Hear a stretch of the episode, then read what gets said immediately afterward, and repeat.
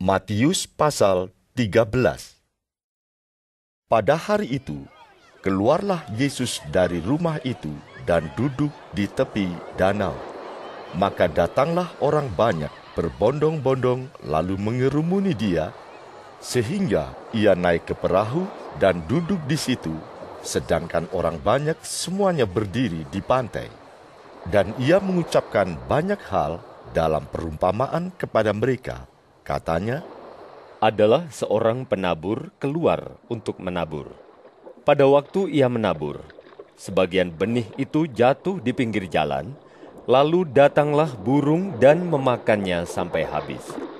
Sebagian jatuh di tanah yang berbatu-batu, yang tidak banyak tanahnya, lalu benih itu pun segera tumbuh karena tanahnya tipis. Tetapi sesudah matahari terbit, layulah ia dan menjadi kering karena tidak berakar. Sebagian lagi jatuh di tengah semak duri, lalu makin besarlah semak itu dan menghimpitnya sampai mati. Dan sebagian jatuh di tanah yang baik lalu berbuah. Ada yang seratus kali lipat, ada yang enam puluh kali lipat, ada yang tiga puluh kali lipat. Siapa bertelinga, hendaklah ia mendengar.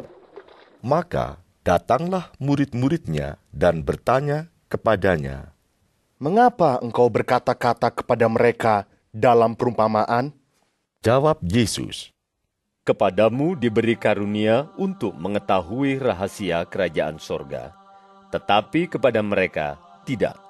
Karena siapa yang mempunyai, kepadanya akan diberi sehingga ia berkelimpahan.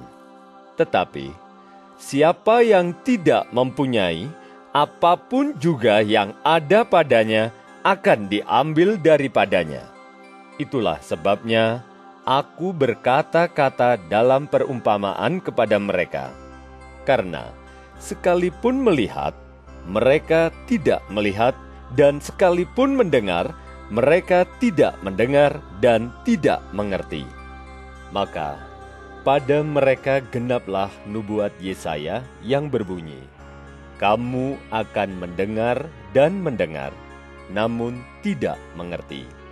Kamu akan melihat dan melihat, namun tidak menanggap. Sebab hati bangsa ini telah menebal, dan telinganya berat mendengar, dan matanya melekat tertutup, supaya jangan mereka melihat dengan matanya, dan mendengar dengan telinganya dan mengerti dengan hatinya, lalu berbalik sehingga aku menyembuhkan mereka. Tetapi berbahagialah matamu karena melihat dan telingamu karena mendengar. Sebab aku berkata kepadamu, sesungguhnya banyak nabi dan orang benar ingin melihat apa yang kamu lihat, tetapi tidak melihatnya dan ingin mendengar apa yang kamu dengar, tetapi tidak mendengarnya. Karena itu, dengarlah arti perumpamaan penabur itu. Kepada setiap orang yang mendengar firman tentang kerajaan sorga, tetapi tidak mengertinya, datanglah si jahat dan merampas yang ditaburkan dalam hati orang itu. Itulah benih yang ditaburkan di pinggir jalan. Benih yang ditaburkan di tanah yang berbatu-batu ialah orang yang mendengar firman itu dan segera menerimanya dengan gembira.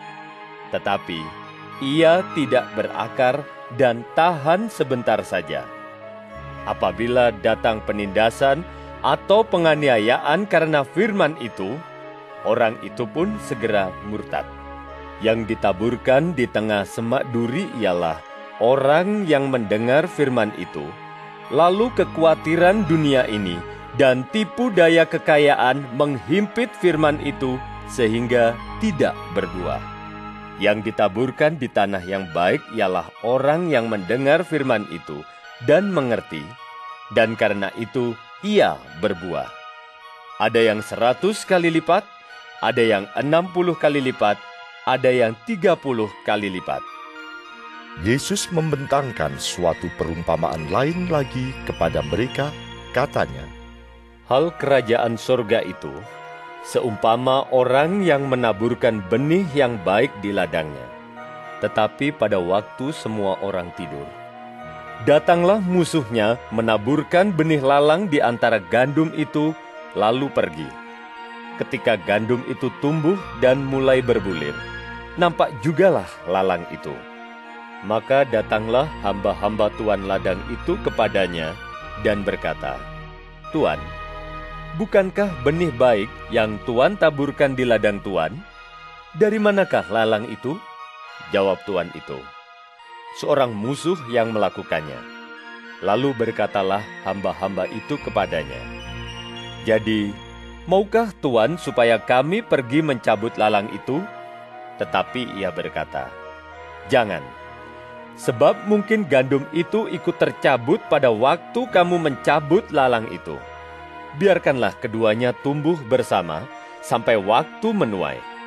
Pada waktu itu, Aku akan berkata kepada para penuai, kumpulkanlah dahulu lalang itu dan ikatlah berberkas-berkas untuk dibakar. Kemudian kumpulkanlah gandum itu ke dalam lumbungku. Yesus membentangkan suatu perumpamaan lain lagi kepada mereka. Katanya, Hal kerajaan sorga itu seumpama biji sesawi yang diambil dan ditaburkan orang di ladangnya. Memang biji itu yang paling kecil dari segala jenis benih. Tetapi apabila sudah tumbuh, sesawi itu lebih besar daripada sayuran yang lain, bahkan menjadi pohon, sehingga burung-burung di udara datang bersarang pada cabang-cabangnya. Dan ia menceritakan perumpamaan ini juga kepada mereka. Hal kerajaan surga itu seumpama ragi yang diambil seorang perempuan dan diadukkan ke dalam tepung terigu tiga sukat sampai khamir seluruhnya. Semuanya itu disampaikan Yesus kepada orang banyak dalam perumpamaan, dan tanpa perumpamaan suatu pun tidak disampaikannya kepada mereka, supaya genaplah firman yang disampaikan oleh Nabi. Aku mau membuka mulutku mengatakan perumpamaan. Aku mau mengucapkan hal yang tersembunyi sejak dunia dijadikan. Maka Yesus pun meninggalkan orang banyak itu, lalu pulang. Murid-muridnya datang dan berkata kepadanya, Jelaskanlah kepada kami perumpamaan tentang lalang di ladang itu. Ia menjawab, katanya, Orang yang menaburkan benih baik ialah anak manusia. Ladang ialah dunia. Benih yang baik itu anak-anak kerajaan, dan lalang anak-anak si jahat. Musuh yang menaburkan benih lalang ialah iblis. Waktu menuai ialah akhir zaman, dan para penuai itu malaikat. Maka seperti lalang itu dikumpulkan dan dibakar dalam api, demikian juga pada akhir zaman Anak manusia akan menyuruh malaikat-malaikatnya dan mereka akan mengumpulkan segala sesuatu yang menyesatkan dan semua orang yang melakukan kejahatan dari dalam kerajaannya. Semuanya akan dicampakkan ke dalam dapur api, di sanalah akan terdapat ratapan dan kertakan gigi. Pada waktu itulah orang-orang benar akan bercahaya seperti matahari dalam kerajaan Bapa mereka. Siapa bertelinga, hendaklah ia mendengar. Hal kerajaan sorga itu seumpama harta yang terpendam di ladang, yang ditemukan orang lalu dipendamkannya lagi. Oleh sebab sukacitanya, pergilah ia menjual seluruh miliknya, lalu membeli ladang itu. Demikian pula, hal kerajaan sorga itu seumpama seorang pedagang yang mencari mutiara yang indah. Setelah ditemukannya mutiara yang sangat berharga, ia pun pergi menjual seluruh miliknya, lalu membeli mutiara itu. Demikian pula, hal kerajaan sorga itu seumpama pukat yang dilabuhkan di laut, lalu mengumpulkan berbagai-bagai jenis ikan.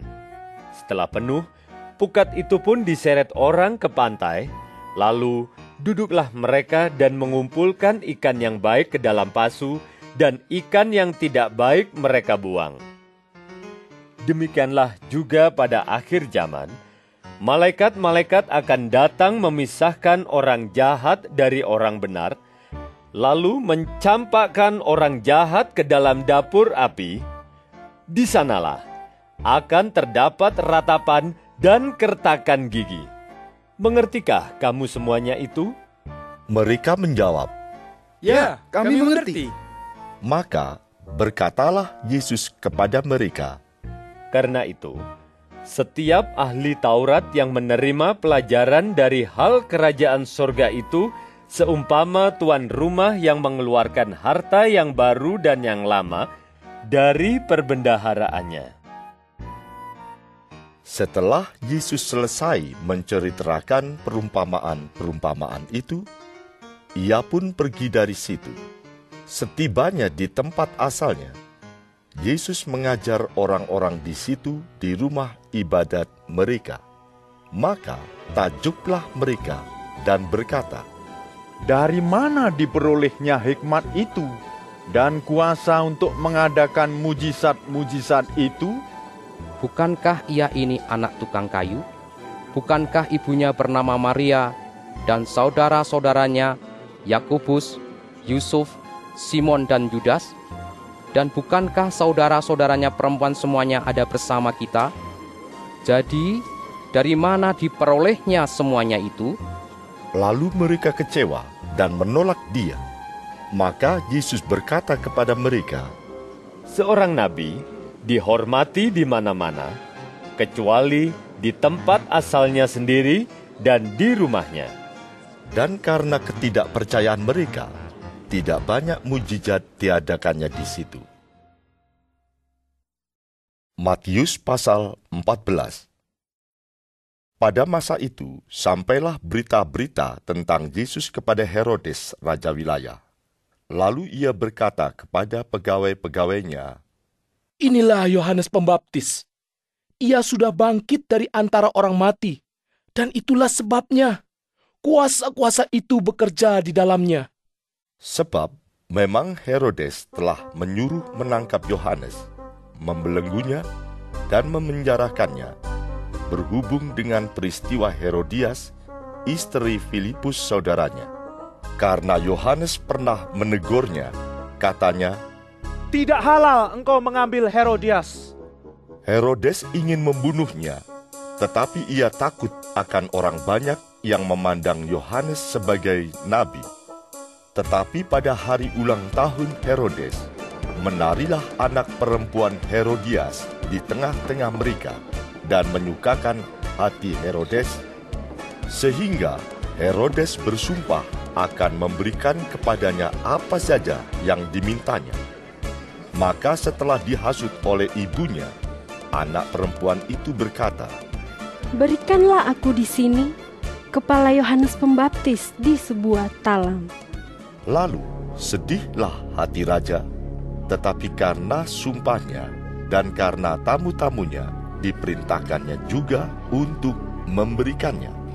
Disuruhnya memenggal kepala Yohanes di penjara, dan kepala Yohanes itu pun dibawa orang di sebuah talam, lalu diberikan kepada gadis itu, dan ia membawanya kepada ibunya.